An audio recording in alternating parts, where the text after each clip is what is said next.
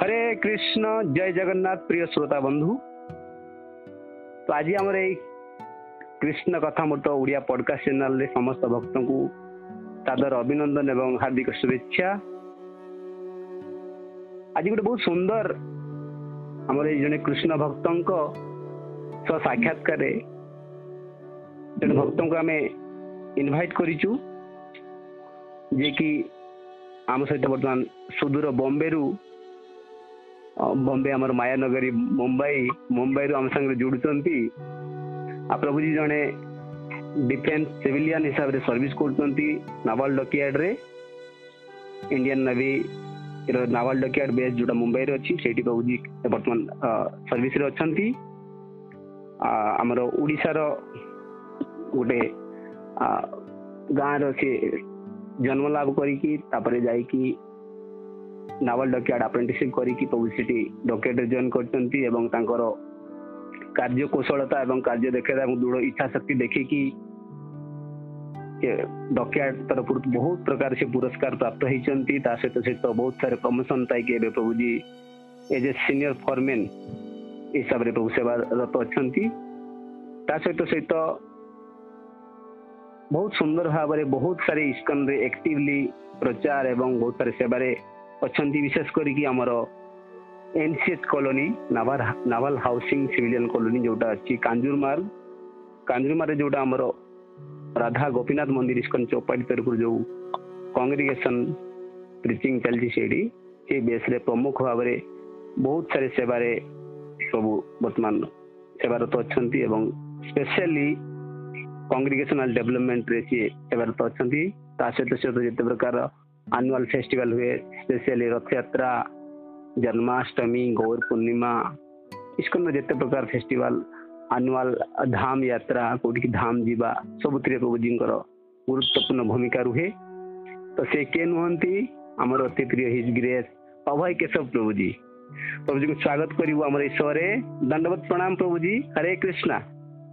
हरे कृष्णा दंडवत प्रभुजी दंडवत प्रणाम ବହୁତ ଆନନ୍ଦର ସହିତ ଉଲ୍ଲାସର ସହିତ କୃତଜ୍ଞତାର ସହିତ ଆପଣଙ୍କୁ ସ୍ୱାଗତ କରୁଛୁ ଆମର ଏଇ କୃଷ୍ଣ କଥାମୃତ ଓଡ଼ିଆ ପଡକାଷ୍ଟ ଚ୍ୟାନେଲରେ ଆପଣଙ୍କର ବହୁତ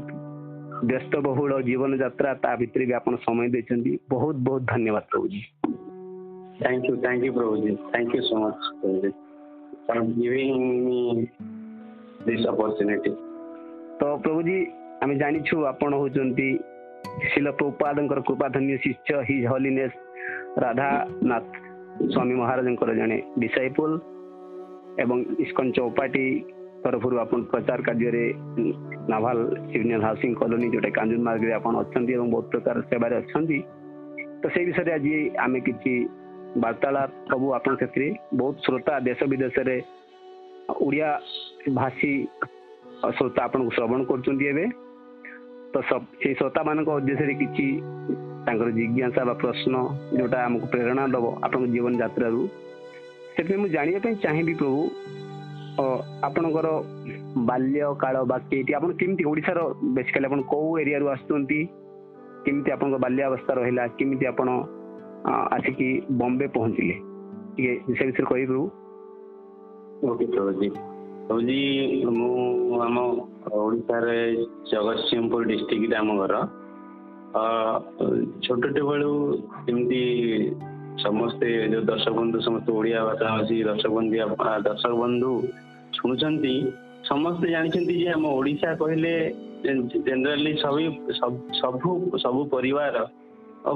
ପାୟସ ପରିବାର ମାନେ ଧାର୍ମିକ ପରିବାର ସମସ୍ତେ ଭଗବାନ ଉପରେ ବିଲିଭ୍ କରନ୍ତି ବିଶ୍ୱାସ ରଖନ୍ତି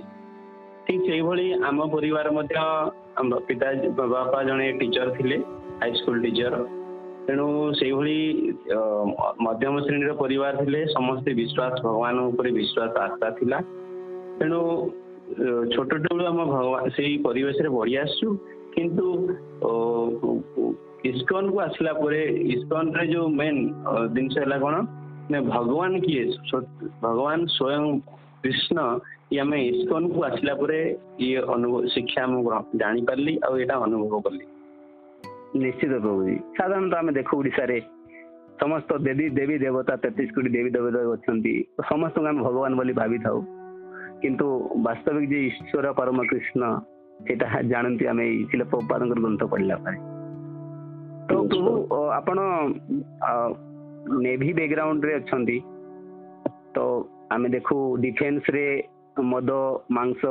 ବା ଏତେ ପ୍ରକାର ମାୟାର ସବୁ ପ୍ରକାର ପ୍ରଲୋଭନ ସେଇଠି ଥାଏ ଆପଣଙ୍କୁ ଗୋଟେ ଆଶ୍ଚର୍ଯ୍ୟ ଲାଗେ ଆମେ ଦେଖୁ ଇସ୍କନରେ ଡିଭୋଟି ପ୍ରାୟ ବହୁତ ତ ଆମେ ଦେଖୁ ଆଇ ଆଇ ଟି ଏନ୍ ଅଛନ୍ତି କିନ୍ତୁ ବଡ଼ ଆଶ୍ଚର୍ଯ୍ୟ ଲାଗେ ଖୁସି ଲାଗେ ଯେତେବେଳେ ଆସିକି ପହଞ୍ଚନ୍ତି କୌଣସି ଆମର ଡିଫେନ୍ସ ବ୍ୟାକଗ୍ରାଉଣ୍ଡ ଡିଭୋଟି ସେଇ କ୍ଷେତ୍ରରେ ବଡ଼ ଆଶ୍ଚର୍ଯ୍ୟ ଲାଗେ ଯେ କେମିତି ସମ୍ଭବ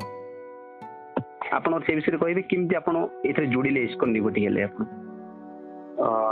ପ୍ରଭୁଜୀ ଇଏ ସବୁ ଅସୀମ କୃପା ଭକ୍ତମାନଙ୍କର ଭକ୍ତ କୃଷ୍ଣ ଭକ୍ତମାନଙ୍କର ଅସୀମ କୃପାରୁ ଯେମିତି ସମସ୍ତେ ଆମେ ବିଭିନ୍ନ ପ୍ରକାର ସଂସାର ସଂସାର ରୂପରେ ଉପରେ ପଡ଼ିକି ଅଛୁ କେହି ନା କେହି ଭକ୍ତ ଆମକୁ ସମସ୍ତଙ୍କୁ ହୁକ୍ ବାଇ ହୁକ୍ ଯେମିତି ମାଛକୁ ଧରାଯାଏ ହୁକ୍ ଦ୍ୱାରା ସେଭଳି ଆମକୁ ଆମେ ଇଚ୍ଛା ହଉ ବା ଇଚ୍ଛା ନ ହଉ ସେଭଳିଆ କୌଣସି ଗୋଟେ ଭକ୍ତମାନ ବିଭିନ୍ନ ଭକ୍ତ ସମୂହ ଭକ୍ତମାନଙ୍କ ଦ୍ୱାରା ହିଁ ଆମେ ଆସିପାରୁଥାଉ ଭକ୍ତି ମାର୍ଗକୁ ଠିକ୍ ସେଇଭଳି କାଞ୍ଜୁର ମାର୍ଗ ଏନ୍ସିଏଚ୍ କଲୋନୀରେ ଦୁଇ ହଜାର ଏକରୁ ଏଠି ପ୍ରୋଗ୍ରାମ୍ସ ଇସ୍କନର ପ୍ରୋଗ୍ରାମ୍ ସବୁ ଚାଲିଥିଲା ସେ ସମୟରେ ଆମର ସାକ୍ଷୀ ଗୋପାଳ ପ୍ରଭୁ ଶଙ୍କଧାରୀ ପ୍ରଭୁ ମଧୁପତି ପ୍ରଭୁ ଦାମୋଦର ଗୋବିନ୍ଦ ପ୍ରଭୁ ମାନେ ସବୁ ଆକ୍ଟିଭଲି ଆନୁଆଲ ଇଭେଣ୍ଟ ସବୁ ଥିଲା ଗ୍ରାଣ୍ଡ ସ୍କେଲରେ କରୁଥିଲେ ଆଉ ଆମେ ତ ମୁଁ ଏଠି ଟୁ ଥାଉଜେଣ୍ଡ ୱାନ୍ରେ ଜଏନ୍ କଲି ନେଭିରେ କଲୋନୀରେ ରହୁଥିଲି କିନ୍ତୁ ମୁଁ ରେଗୁଲାରଲି ଯାଇପାରୁନଥିଲି ଆଉ ମୋତେ ଇନଭାଇଟ୍ କରୁଥିଲି ସେମାନେ ମଝିରେ ମଝିରେ ଡାକନ୍ତି ଯେ ଆମ ପ୍ରୋଗ୍ରାମ ହେଉଛି ମନ୍ଦିରରୁ ହିଜଗ୍ରେସ୍ ରାଧା ବଲ୍ଲଭ ପ୍ରଭୁ ଆସୁଥିଲେ ତ ପ୍ରୋଗ୍ରାମ ହଉଥିଲା ତ ମୋତେ ଡାକୁଥିଲେ ସେମାନେ କି ଆସ କିନ୍ତୁ ମୋର କିଛି କାରଣବଶତଃ ୟା କିଛି ଲଜ୍ଜା ସଙ୍କୁଚିତ ଏସବୁ ଗୁଣ ସକାଶେ ମୁଁ ହୁଏତ ଯାଇପାରିଲିନି କିନ୍ତୁ ଯେତେବେଳେ ବଡ଼ ବଡ଼ ଇଭେଣ୍ଟ ହୁଏ ରଥଯାତ୍ରା ଜନ୍ମାଷ୍ଟମୀ ଏସବୁ ଇଭେଣ୍ଟରେ ମୁଁ ପାର୍ଟିସିପେଟ୍ କରେ କଲା ପରେ ଜଷ୍ଟ ମୁଁ ଯେହେତୁ ମୁଁ ଓଡିଶାର ସେଥିପାଇଁ ରଥ ଏସବୁ ଇଭେଣ୍ଟରେ ମୁଁ ଏଇଠି ମୁଁ ଶ୍ରୋତା ବନ୍ଧୁଙ୍କ ପାଇଁ ଟିକେ ବ୍ରେକ୍ ନେଉଛି ପ୍ରଭୁଜୀ ମୁଁ ଜାଣିଛି ଆପଣଙ୍କୁ କି ଆପଣ କେମିତି ଆକ୍ଟିଭଲି ଲିଡିଂ ନିଅନ୍ତି ଯୋଉଟା କି ବିଫୋର ଜଏନିଂ ଇସ୍କନ ଆପଣ ଯୋଉଟା ଆମର କଲୋନୀରେ ଆମର ଯୋଉ ହାଉସିଂ କଲୋନୀ ସେଇଠି ଆମର ଯୋଉ ଯୋଉ ଏମ୍ପ୍ଲୟି ମାନେ ଅଛନ୍ତି ତାଙ୍କୁ ନେଇକି କେମିତି ଓଡ଼ିଆ ଭାଷାଭାଷୀ ହୁଅନ୍ତୁ ବା ଅଣ ଓଡ଼ିଆ ହୁଅନ୍ତୁ ତାଙ୍କୁ ନେଇକି ଆପଣ କେମିତି ଅର୍ଗାନାଇଜ କରନ୍ତି ସେ ଦୋଳ ପୂର୍ଣ୍ଣିମା ହେଇପାରେ ବା ଗଣେଶ ପୂଜା ହେଇପାରେ ସେଥିରେ ଆପଣ ଫୁଲି ଆକ୍ଟିଭଲି ଲିଡିଂ ନେଇକି ବହୁତ ସାରା ଜିନିଷ କରନ୍ତି ତ ସେଇ ଜିନିଷ ଗୁଡା ଆପଣ ଯେତେବେଳେ ଦେଖିଲେ ଯେ ଏଠି ପବ୍ଲିକଲି କିଛି ଜିନିଷ ହଉଛି ଜଗନ୍ନାଥଙ୍କୁ ନେଇକି ତ ସେଥିରେ ବି ପୁଣି ଆପଣ ସେମିତିକା ଉତ୍ସାହ ସହିତ ଆରମ୍ଭ କଲେ ଠିକ ଅଛି କଣ୍ଟିନ୍ୟୁ କରନ୍ତୁ କିନ୍ତୁ ତାପରେ ଜଷ୍ଟିଂ ଚାଲିଥିଲା ମୋର ଦିନ ଟୁ ଥାଉଜେଣ୍ଡ ସେଭେନରେ ଅଫିସ ନେଭି ତରଫରୁ ମତେ ଗୋଟେ ମିଳିଲା ଗୋରସ୍କପ୍ ସିପ୍ ବଡ଼ ଗୋଟେ ଜାହାଜ ଆସିବାର ଥିଲା ଏୟାରକ୍ରାଫ୍ଟ କ୍ୟାରିୟର ସେଥିପାଇଁ ମତେ ରଷିଆ ଯାଇଥିଲି ସେ ବିଷୟରେ ପ୍ରୋଜେକ୍ଟ ଉପରେ ତ ସେଠି ବହୁତ ଦୀର୍ଘ ଦିନ ରହିଥିଲି ବହୁତ ଦିନ ରହିଲା ପରେ ସେଠି ସେଠାକାର ଡିଭୋଟି ସଂସ୍ପର୍ଶରେ ମୁଁ ଆସିଥିଲି ରଷିଆନ୍ ଡିଭୋଟି ଯୋଉ ଇସ୍କନର ଡିଭୋଟି ସେଟା ସେମାନେ ଆମକୁ ଯୋଉମାନେ ଇଣ୍ଡିଆନ୍ ଥିଲେ ଇଣ୍ଡିଆନ୍ ହାରାହାରି ଆମେ ବହୁତ ତିରିଶ ଚାଳିଶ ଜଣ ଥିଲୁ ଆମ ସମସ୍ତଙ୍କୁ ଇନଭାଇଟ୍ କରିଥିଲେ ସେଇଟା କେମିତି କେମିତି ପସିବଲ ହେଲା ଆପଣ ତ ଡିଫେନ୍ସ ତରଫରୁ ଗଲେ ଡିଫେନ୍ସ ରେ ସେଠି ରହିଲେ but how you connect to ISKCON devotee Uh, uh, because in that it, it, we stay in Severdun. It is ବହୁତ ମାନେ ବହୁତ ଛୋଟ ସିଟି ଛୋଟ ସିଟି ବେଳେ ଯେତେବେଳେ ସେମାନେ ସମସ୍ତେ ଜାଣନ୍ତି ଯେ ଏଠି ହଁ କିଛି ଗୋଟେ ହଲଚଲ ହେଲା ମାନେ ଏଠି ଇଣ୍ଡିଆନ ମାନେ ଅଛନ୍ତି କି ଏଠି ମାନେ ଅଛନ୍ତି ସମସ୍ତେ ଜାଣିପାରନ୍ତି ଛୋଟ ସିଟି ପପୁଲେସନ ବହୁତ କମ୍ ବହୁତ ପପୁଲେସନ କମ୍ ସେମାନେ ସେମାନେ ଜାଣିଲେ ପ୍ଲସ ଆମ ଆଗରୁ ଜଣେ ସିନିୟର ଥିଲେ ଯେ ନେଭିର ସେଇ ଇସ୍କନର ଡିଭୋଟି ଜଣେ ଇସ୍କନ ଡିଭୋଟି ଥିଲେ ସିନିୟର ଡିଭୋଟି ଥିଲେ କାଫି ସିଏ ଜାଣିଥିଲେ ଯେ ଯାଉ ଏଠି ସିଏ ରସିଆନ ଡିଭୋଟି ସହିତ ଆଗରୁ ଟଚରେ ଥିଲେ ଓକେ ଯେତେବେଳେ ଏ ସଂକୀର୍ତ୍ତନ ସେମାନେ ନଗର ସଂକୀର୍ତ୍ତନ ଦି ଘଣ୍ଟା ଅଢେଇ ଘଣ୍ଟା ପ୍ରୋସେସନ କରିବାର ଥିଲା ସେମାନେ କହିଲେ ଯୋଉମାନେ ଇଣ୍ଡିଆନ ମାନେ ଅଛନ୍ତି ତାଙ୍କୁ ବି ଡାକ ତେଣୁ ସେଇ ଆଗରୁ ଯୋଉ ସିନିୟର ଜଣେ ଥିଲେ ଆମର ଇସ୍କନ ଡିଭୋଟି ସିଏ ଆମକୁ ଇନଭାଇଟ୍ କରିଥିଲେ ଯେ ଏମିତି ନଗର ସଂକୀର୍ତ୍ତନ ଅଛି ଇଏ ସେବାରଦୋଇଁ ସେ ଗୋଟେ ବଡ ମଲ୍ ଥିଲା ସେଇ ମଲ୍ ପାଖରେ ସଂକୀର୍ତ୍ତନ ହବ ଆମ ସମସ୍ତେ ଆସନ୍ତୁ ଆମକୁ ଇନଭାଇଟ୍ କରିଥିଲେ ଓକେ ଓକେ ସେଠି ବହୁତ କ୍ଲାଇମେଟ୍ ଆପଣ ଜାଣିଛନ୍ତି ମୁଁ ଦିନ ଫ୍ଲାଏ ସେଦିନ ଆମେ ଲ୍ୟାଣ୍ଡିଂ କରିଥିଲୁ ସେଦିନ ମାଇନସ୍ ଥାର୍ଟି ଡିଗ୍ରୀ ଟେମ୍ପରେଚର ଥିଲା ରସିଆରେ minus thirty degree minus thirty degree okay ସେଠି ଏତେ ଲୋ ଟେମ୍ପରେଚର ଆଉ ଡିଭୋଟି ମାନେ ସେଦିନ ମୋର then two and half hour ତିନି ଘଣ୍ଟା ପୁରା ରସିଆନ୍ ଡିଭୋଟି ଆଉ ଡିଭୋଟି ଇନ୍ ପ୍ରଭୁଜୀ ମାତାଜୀ ଆଉ ତାଙ୍କ ପିଲାମାନେ ବହୁତ ଆରାରି କୋଡ଼ିଏ ପଚିଶ ଜଣ ଡିଭୋଟି ଥିଲେ ଛୋଟ ସିଟିଟା କୋଡ଼ିଏ ପଚିଶ ଡିଭୋଟି ଥିଲେ ପ୍ଲସ୍ ଆମେ ଇଣ୍ଡିଆନ୍ ହାରାରି କୋଡ଼ିଏ ଜଣ ଥିଲୁ ଏମିତି ତିରିଶ ଚାଳିଶ ଜଣ ଚାଳିଶ ଜଣ ଆମେ ସେଦିନ ନଗର ସଂକୀର୍ତ୍ତନ କରିଥିଲୁ ଆଉ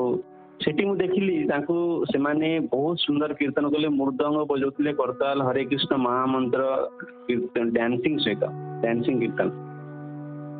ବହୁତ ସେଠି ବହୁତ ଡିଷ୍ଟ୍ରିବ୍ୟୁସନ କଲେ ତାପରେ ସେମାନେ ଆମକୁ ଇନଭାଇଟ୍ କଲେ ସେମାନେ ଆମକୁ ଯେ ଆପଣ ମାନେ ଇଣ୍ଡିଆନ ଆପଣ ଆମ ଘରକୁ ଆସନ୍ତୁ ଆଉ ପ୍ରସାଦ ନେବା ପାଇଁ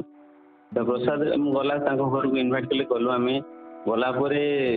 ତାଙ୍କୁ ମୁଁ ଦେଖିଲି ତାଙ୍କୁ ସେମାନେ ତାଙ୍କର ଅଲ୍ଟର ବିଗ୍ରହ ରଖିଛନ୍ତି ଭଗବାନଙ୍କର ବହୁତ ସୁନ୍ଦର ବୁକ୍ ସେଲ୍ଫ ରଖିଛନ୍ତି ଯୋଉଠି ମୁଁ ସେତେବେଳେ ତ ଇଚ୍ଛନ ବିଷୟରେ ଏତେ ଜାଣିନଥିଲି ଭାଗବତମ ଭଗବତ ଗୀତା ରାମାୟଣ ଏଗୁଡ଼ା ସବୁ ଯୋଉ ସ୍ପିରିଚୁଆଲ ବୁକ୍ସ ସବୁ ତାଙ୍କ ପାଖରେ ଅଛି ଆଉ ଗୋଟେ ଜିନିଷ ଦେଖିଲି ବଡ଼ ଜିନିଷ ମୋତେ ପ୍ରଭାବିତ କଲା ଯେ ରଷିଆର ଯୋଉ କ୍ଲାଇମେଟ୍ ଅତ୍ୟାଧିକ ଥଣ୍ଡା ଆଉ ଦିନ ଯଦି ହବ ଟ୍ୱେଣ୍ଟି ଫୋର୍ ଆୱାର ଦିନ ହେଇଯିବ ନହେଲେ ଟ୍ୱେଣ୍ଟି ଫୋର୍ ଆୱାର ରାତି ହେଇଯିବ ଯୋଉଟା କି ମାନେ ଭକ୍ତି କରିବା ପାଇଁ ମାନେ ମାନେ ବହୁତ ଡିଫିକଲ୍ଟ ମାନେ ମୋଡ୍ ଅଫ୍ ଇଗ୍ନୋରାନ୍ସ ତମ ଗୁଣର ପୁରା ସେଟା ଆଳୟ କହିଲେ ଚଳିବ ନିଶ୍ଚିତ ନିଶ୍ଚିତ ସେଭଳି ପରିସ୍ଥିତିରେ ସେ ସେ ଏନଭାୟରମେଣ୍ଟ ଆମକୁ ଫୋର୍ସ କରିବ ଯେ ଆପଣ ମଦ ମାଛ ମାଂସ ଖାଇବାକୁ ବାଧ୍ୟ କରିବ ସେଠି ଯେହେତୁ ଥଣ୍ଡା କ୍ଲାଇମେଟ୍ ଆମ ବଡିକି ଯଦି ହିଟ୍ ରଖିବାର ଅଛି ତାହେଲେ ନନଭେଜ ମଦ ମାଛ ମାଂସ ଏଗୁଡ଼ା ଖାଇବାକୁ ବାଧ୍ୟ କରିବ ସେ କ୍ଲାଇମେଟ୍ କିନ୍ତୁ ମୁଁ ଦେଖିଲି ଇଏ ଡିଭୋଟି ପରିବାର ପରିବାର ଜଣ ଥିଲେ ସେ ଜଣେ ଆର୍ମି ଅଫିସର ଥିଲେ ସେତେବେଳେ ରିଟାୟାର୍ଡ ହେଇନଥିଲେ ଆର୍ମି ଅଫିସର ମାନେ ଆହୁରି ତାଙ୍କୁ ଆହୁରି ଫ୍ୟାସିଲିଟି ଅଛି ଏସବୁ ଜିନିଷ ପାଇଁ ହଁ ପ୍ରଭୁ ହଁ ସେଠି ଦେଖିଲି ସେମାନେ ଧୋତି କୁର୍ତ୍ତା ପିନ୍ଧିଛନ୍ତି ତାଙ୍କର ୱାଇଫ୍ ଯିଏ ଶାଢୀ ପିନ୍ଧିଛନ୍ତି ଆଉ ସେମାନେ ଆମ ସହିତ କଥାବାର୍ତ୍ତା କଲେ ଆପଣ ପଚାରିଲେ ମୋତେ କି ତମେ କୋଉଠାକାର ମୁଁ କହିଲି ଆମ ଘର ହେଉଛି ଓଡ଼ିଶା ସେ କହିଲେ ଓଡ଼ିଶା ଆରେ ଆପ ତ Jagannath Puri you are from you are people Jagannath people ମୋର ଏମିତି କହିକିରି ପୁରା ମୋର ଦଣ୍ଡବତ ପଣା ମୋତେ କରିଦେଲେ ମୁଁ ଆଉ ତାପରେ ମୋତେ ନିଜକୁ ନିଜକୁ ବହୁତ ଫିଲ୍ ହେଲା ଭିତରେ ସେମାନେ କହିଲେ ଦେଖ ତୁମେ ବହୁତ ଭାଗ୍ୟବାନ ଆଉ ଏମିତି ଅପରଚୁନିଟି ଆପଣମାନଙ୍କୁ ମିଳିଛି ଆପଣ ଆମକୁ ତ ଏ ଭାଗ୍ୟ ନାହିଁ ଆମ ହତଭାଗା ନିଜ ନିଜ ସେ ଭାବୁଛି ଏତେ କଲା ପରେ ବି ସେ ନିଜକୁ ନିଜେ ବହୁତ ଲୋ କହୁଛନ୍ତି ଯେ ଆମେ ହତଭାଗା ଆଉ ଏଠି ଆମର ଜନ୍ମ ହେଲା ଆମକୁ ମୁଁ ଚାହିଁଲେ ବି ଇଣ୍ଡିଆକୁ ଯାଇପାରୁନି ଭାରତ ବର୍ଷକୁ ଯାଇପାରୁନି ଆମ ରିଟାୟାର୍ଡ ହେଲା ପରେ ନିଶ୍ଚୟ ଯେବେ ପରମିଶନ ମିଳିବ ମୋତେ ସରକାରଠାରୁ ମୁଁ ଯିବି ଗଲେ ଭାରତ ଭୂମିର ମାଟିରେ ମୁଁ ଗଢ଼ି ପଡ଼ି ଗଢ଼ିଯିବି ଯୋଉ ତାଙ୍କର ଯୋଉ ଫିଲିଙ୍ଗସ୍ କୁ ମୁଁ ଦେଖିଲି ସେଇଠି ମୋର ମନ ଥିଲା ମୁଁ ଦେଖ ମୁଁ ନିଜକୁ ନିଜ ତୁଚ୍ଛ ମନେ କଲି ମୁଁ କହିଲି ଦେଖ ମୁଁ ଭାରତରେ ଓଡ଼ିଶାରେ ଜନ୍ମ ହେଇ ମଧ୍ୟ ଭଗବାନ ଜଗନ୍ନାଥ କିଏ ମୁଁ ଭଲ କି ଜାଣିପାରିନି ଭଗବାନ କୃଷ୍ଣ କିଏ ମୁଁ ଜାଣିପାରିନି ମତେ ଇସ୍କନ ସହିତ ଯୋଡ଼ିବାକୁ ପଡ଼ିବ ଆଉ ଇସ୍କନ ସହିତ ରହିକିରି ପ୍ରଭୁପାଦଙ୍କର ଯୋଉ ଶାସ୍ତ୍ର ସବୁ ସ୍ପିଚୁଆଲ ଭଗବତ ଗୀତା ଭାଗବତ ଲେଖିଛନ୍ତି ତାକୁ ଅଧ୍ୟୟନ କରିବା ଦରକାର ସେଇଠୁ ମୋର ମନରେ ଉଙ୍କି ମାରିଲା ଯେ ନାଇଁ ମତେ ଏଇ ସବୁ ये रेगुलर जो कॉलोनी रे हमर प्रोग्राम होची मते रेगुलर जीवा दरकार अरे विष्ट होची या हो बहुत सुंदर मते भल लागुची काई की आपन कर ए जो रशिया जाई की रशिया रो प्रेरणा नै की आसी एटा भी तो मु भी जान नथिले आज पजंत एते दिन रो संपर्क किंतु केबे आमे पचारिनु की आपन केबे कहि नाहंती तो पर्सनली मते बहुत बेनिफिट होची रियली ए सो माध्यम रे अनेक भक्तन सो मु कथा होची আমার শ্রোতা বন্ধু তো অবশ্যই প্রেরণা পাচ্ছেন কিন্তু পর্সনালি ব্যক্তিগত ভাবে ମୁଁ କହିପାରିବି ମତେ ବହୁତ ସାରା ପ୍ରେରଣା ମିଳିଥିବ ବହୁତ ବହୁତ ଧନ୍ୟବାଦ ଦଉଛି ତ ଯାହା ହଉ ଆମେ ଏଇଠି ବୁଝିପାରିବୁ ଯେ ସିଲେ ପ୍ରପାଦଙ୍କର ଅସୀମ ଅନୁକମ୍ପା କେମିତି ପ୍ରପାଦ ଯୋଉ ମୋଡରେ ଯାଇଥିଲେ ବିଦେଶକୁ ଯେ ଆମେ ସମସ୍ତେ ଇମ୍ପୋର୍ଟେଡ୍ ଜିନିଷକୁ ପସନ୍ଦ କରୁ ତ ଆପଣଙ୍କ କ୍ଷେତ୍ରରେ ଏଇଆ ହେଇଯିବ ନିଶ୍ଚିତ ଭାବରେ ତ ଆପଣ ଦେଖିକି ବହୁତ ପ୍ରେରଣା ପାଇକି ଆସିଲେ ତ ତାପରେ କୁହନ୍ତୁ କହୁ ତାପରେ ଆସିଲା ପରେ ପୁଣି ଆପଣ ଇସ୍କନ ସହିତ ଯୋଉ ଯୋଡ଼ିଲେ ଆପଣ ଶୁରୁଆତ ଦିନରେ କେମିତି କେମିତି କେମିତି ହେଲା ବା ଆପଣ କେମିତି ସେବାରେ ଇନଭଲଭମେଣ୍ଟ ହେଲେ ଆପଣଙ୍କୁ ଫାଷ୍ଟ କୋଉ କୋଉ ସେବା ଆପଣ ଇନିସିଆଲ ଷ୍ଟେଜରେ କଲେ ଆପଣ ତ କିଛି ନାହିଁ ବିଲକୁଲ ନ୍ୟୁ କୋଉ କୋଉ ସେବା ଆପଣଙ୍କୁ ବେଶୀ ଆପଣଙ୍କର ପସନ୍ଦିତା ସର୍ଭିସ କ'ଣ ଯୋଉଥିରେ ଆପଣ ଯୋଡ଼ି ପାରିଲେ ପ୍ରଭୁଜୀ ଏଥିପାଇଁ ତ ମୁଁ ଶ୍ରେୟ ଦେବି ଆମର କାଞ୍ଜିମା ଡିଭୋଟିଙ୍କୁ ସ୍ପେଶାଲି ମଧ୍ୟବର୍ତ୍ତୀ ପ୍ରଭୁ ସାକ୍ଷୀ ଗୋପାଳ ପ୍ରଭୁ ଶଙ୍କରଦାରୀ ପ୍ରଭୁ ଦାମୋଦର ଗୋବିନ୍ଦ ପ୍ରଭୁ ସନାତନକର ପ୍ରଭୁ ଆଉ ସବୁ ଜିଜୁ ଆସନ୍ତି ରାଧା ବଲ୍ଲଭପ୍ରଭୁ ମନ୍ଦିରରୁ ବ୍ରହ୍ମଚାରୀ ଆସନ୍ତି ଆଉ ଶ୍ୟାମଚରଣ ପ୍ରଭୁ ଆସନ୍ତି ଏମାନେ ଧୀରେ ଧୀରେ ମୁଁ ଡିଭୋଟି ସଂସ୍କୃତ ଆସିବା ଦ୍ୱାରା ସେମାନେ ମୋତେ ଧୀରେ ଧୀରେ ଗୋଟେ ଭଲ ଜିନିଷ ବହୁତ ସେମାନେ ମୋତେ ଧୀରେ ଧୀରେ ଧୀରେ ଧୀରେ ଜଣା ପଡ଼ିଲାନି ସେନେ ସେନେ ଯେମିତି କେମିତି ବିଭିନ୍ନ ପ୍ରକାର ସେବାରେ ମୋତେ ଏନଗେଜ କରିଦେଲେ ଯେମିତି କୁକିଂ କୁହନ୍ତୁ ଭେଜିଟେବୁଲ ମାର୍କେଟିଂ କୁହନ୍ତୁ ଏଇଭଳିଆ ଛୋଟ ଛୋଟ ସେବାରେ ମୋତେ ଏନଗେଜ କରିଦେଲେ ତାପରେ ମୁଁ ଧୀରେ ଧୀରେ ଧୀରେ ସେବା ଏନଗେଜ ହେବା ଦ୍ୱାରା ମୋତେ ଗୋଟେ ଏଭ୍ରି ଆମର ପ୍ରୋଗ୍ରାମ ଏଭ୍ରି ୱେନେସଡେ ପ୍ରୋଗ୍ରାମ ହେଉଥିଲା ପ୍ଲସ୍ ତାପରେ କିଛି ଦିନ ଚାଲିଲା ପରେ ସେଠି ଗୋଟେ ସେବା ମୋତେ ମିଳିଗଲା ମୁଁ ସେବା ରେଗୁଲାର କଲି ଯେମିତି ଆରେଞ୍ଜମେଣ୍ଟ ହଲ୍ ଆରେଞ୍ଜମେଣ୍ଟ କରିବା ତାପରେ ଧୀରେ ଧୀରେ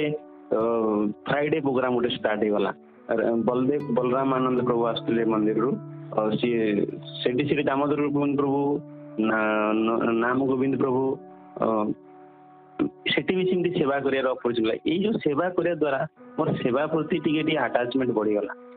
ଆଟାଚମେଣ୍ଟ ବଢିବା ଦ୍ୱାରା ମୁଁ ଟିକେ ଆଉ ଧୀରେ ଧୀରେ ଧୀରେ ଧୀରେ ଏଇଭଳିଆ ସିରିୟସ୍ ହେଲା ପରେ ଯେତେବେଳେ ସିରିୟସନେସ୍ ଆସିଗଲା ମାନେ ଅଧିକା ସିରିୟସଲି ମୁଁ କରିବାକୁ ଗଲି ସେବା ସବୁ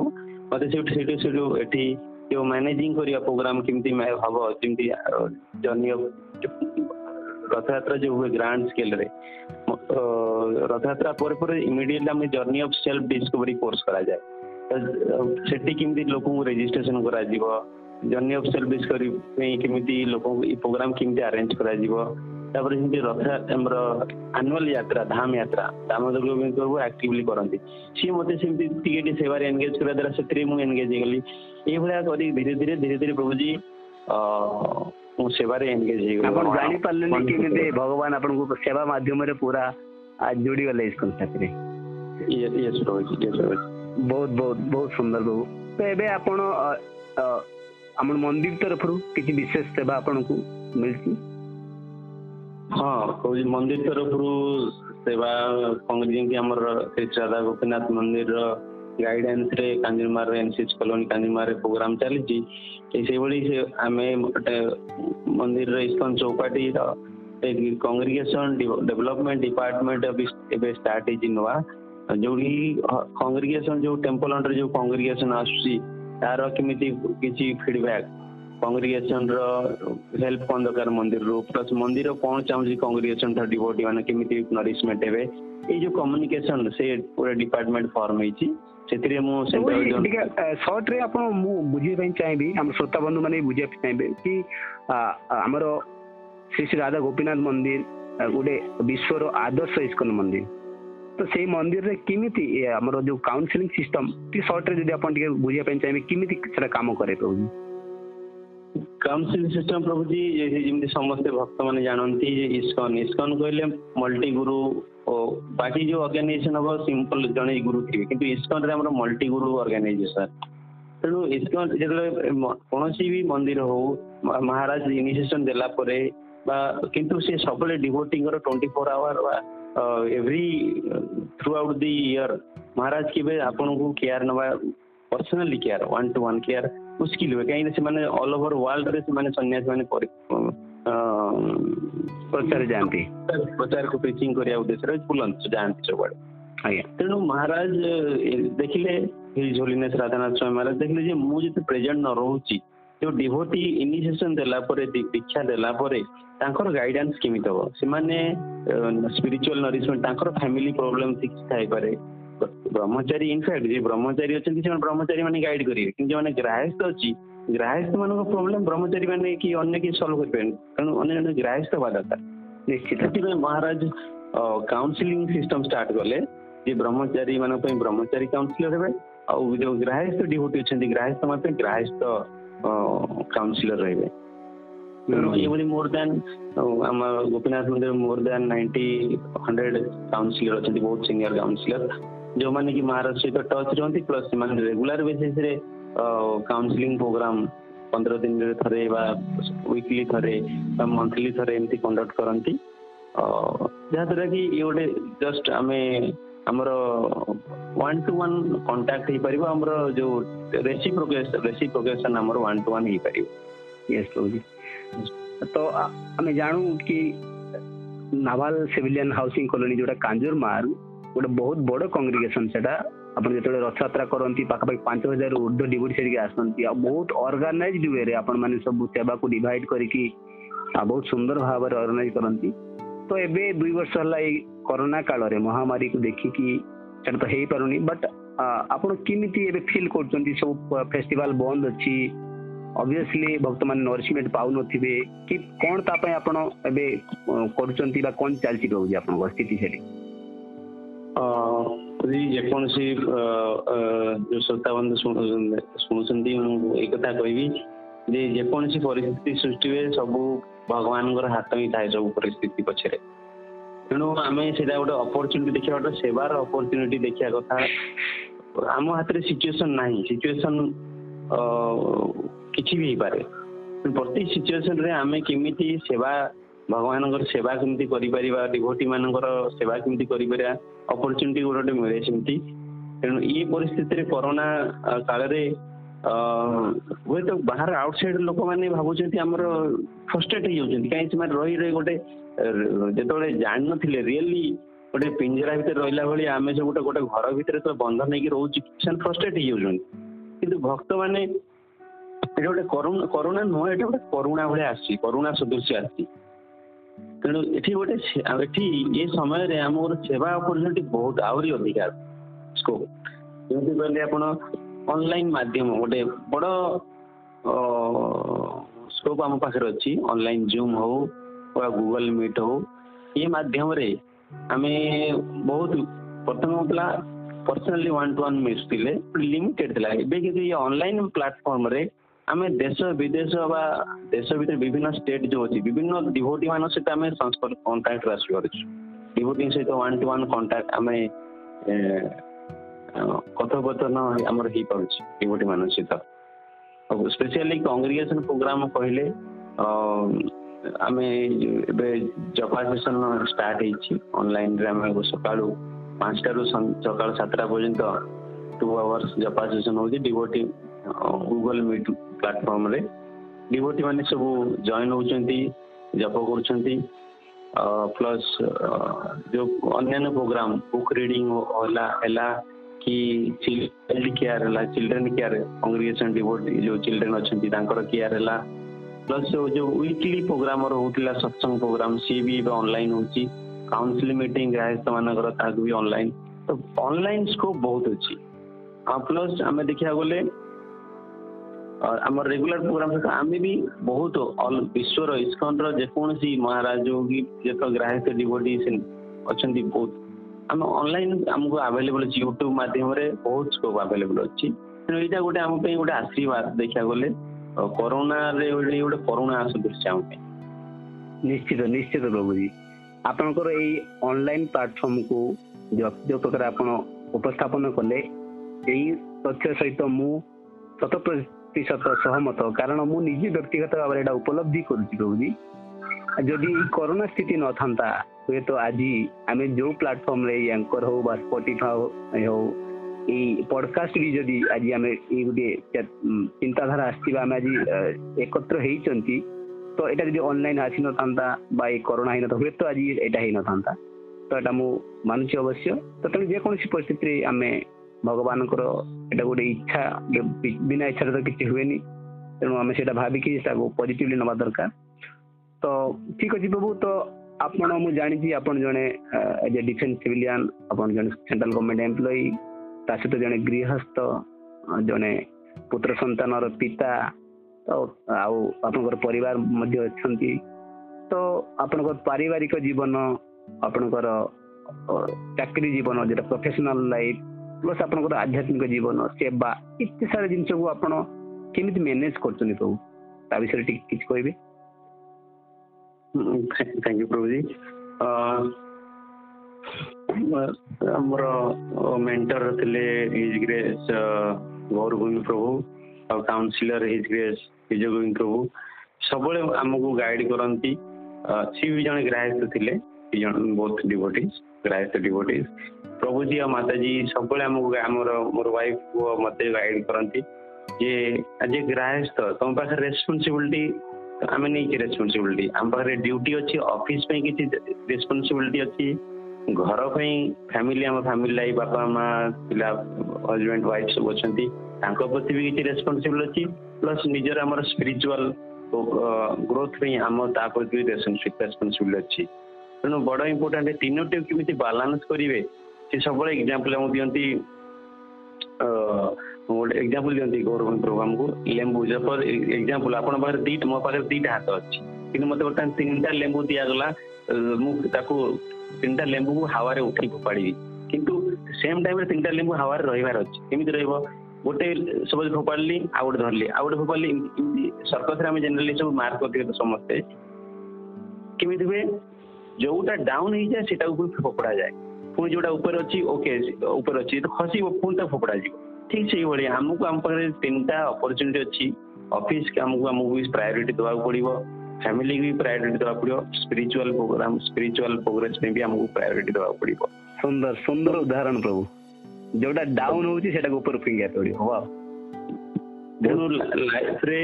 ଅଫିସରେ ଆମେ ଅଫିସରେ ଥିଲେ ଏକ୍ସକ୍ୟୁଜ ନବାନି ଯେ ମୋର ଆଜି ପ୍ରୋଗ୍ରାମ ଅଛି ମତେ ଆଜି କୁକିଂ କରିବାର ଅଛି କି ମତେ ଆଜି ପ୍ରିଚିଂ ଲେକ୍ଚର ଦେବାର ଅଛି କି ମତେ ଏଇ କାମ ଅଛି ତେଣୁ ମୁଁ ଆଜି ଅଫିସରେ କାମ କରିବିନି ତା ଦ୍ୱାରା କ'ଣ ହବ ମତେ ଏଇ ଯିଏ ମୋ କଲିଗ୍ସ ଥିବେ କହିବେ ଇଏ ତ ଇଏ କ'ଣ ର ଫଲୋର ମତେ ତ ମୋର ଆଚାର ବ୍ୟବହାରରେ ସେ ମତେ ମୋର ମୋରଠୁ ଦୂରେଇ ଯିବ ମତେ ମୋଠୁ କ'ଣ ଶିକ୍ଷା ଗ୍ରହଣ କରିବ ସେ ମୋର ତେଣୁ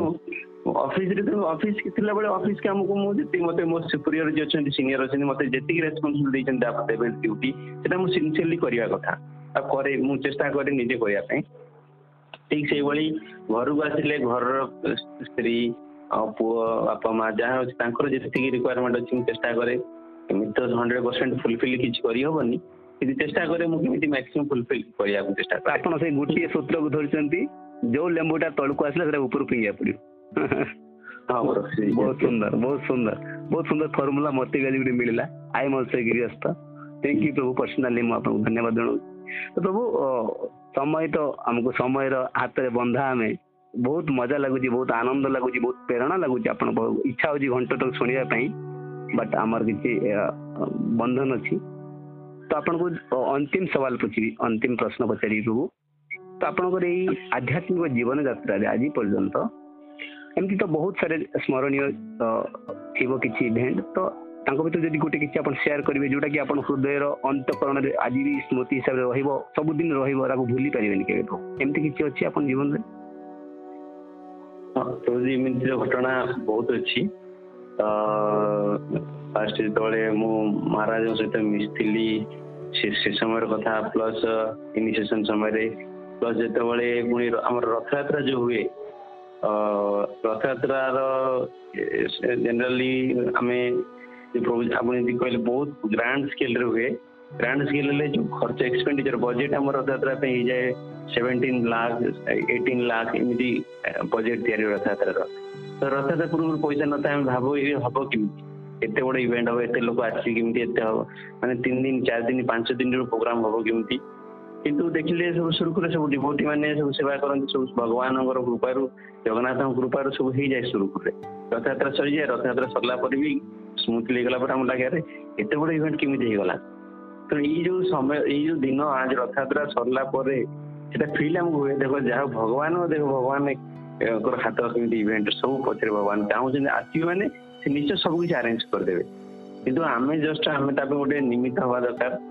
ସେଇଟା ପରେ ସିଏ ପ୍ରତିବର୍ଷ ଏଭ୍ରି ପ୍ରତିବର୍ଷ ମତେ ସେ ଫିଲ୍ ଆସେ ରଥଯାତ୍ରା ପରେ ପରେ ଆଉ ଗୋଟେ କଥା ସ୍ପେଶାଲି ପର୍ସନାଲି ମୁଁ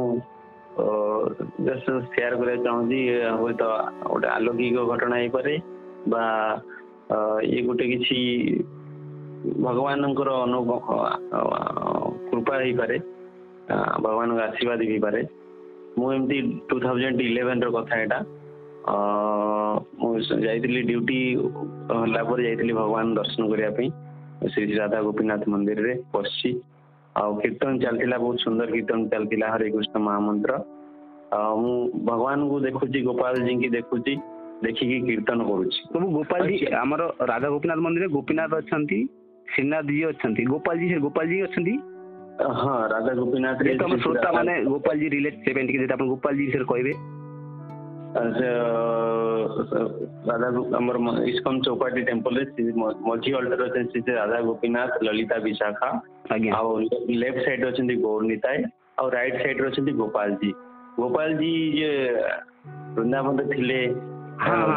సిన్నది సిన్నది ఓకే ఓకే సిన్నది ఎస్ ఎస్ నాగ్ద్వార్ వచ్చింది ఓకే ఓకే ఓకే ఓకే